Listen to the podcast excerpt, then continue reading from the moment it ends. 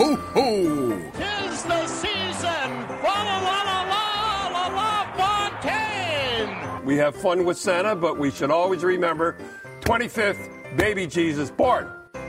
I dag skal vi tilbake til 1975 og kamp tre i finaleserien mellom Buffalo Sabres og Philadelphia Flyers. Etter to kamper ledet Philly serien 2-0, og Sabres måtte vinne for å holde spenningen i live i kamp tre. Og hjemme på egen is fikk det en nokså spesiell hjemmefordel.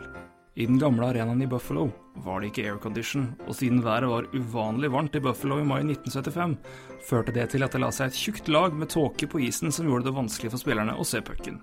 Og i tillegg ble spillerne plaget av en litt innpåsliten flaggermus. Nei. Nei, jeg mente ikke En helt vanlig flaggermus. Uansett. Etter hvert fikk Saber-spiller Jim Lawrence nok av det plagsomme dyret, og slo i hjel flaggermusa med kølla si. Men verken spillerne eller dommerne visste helt hva de skulle gjøre med det døde dyret. Men Flyer-spiller Rick McLeish tok ansvar, plukka opp flaggermusa og fjernet den fra isen.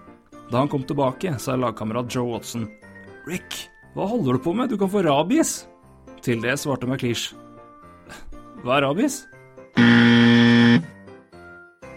Buffalo vant kampen i tåka 3-2 etter overtime, men Flyers vant til slutt 4-2 i kamper og vant sin andre Stanley Cup på rad.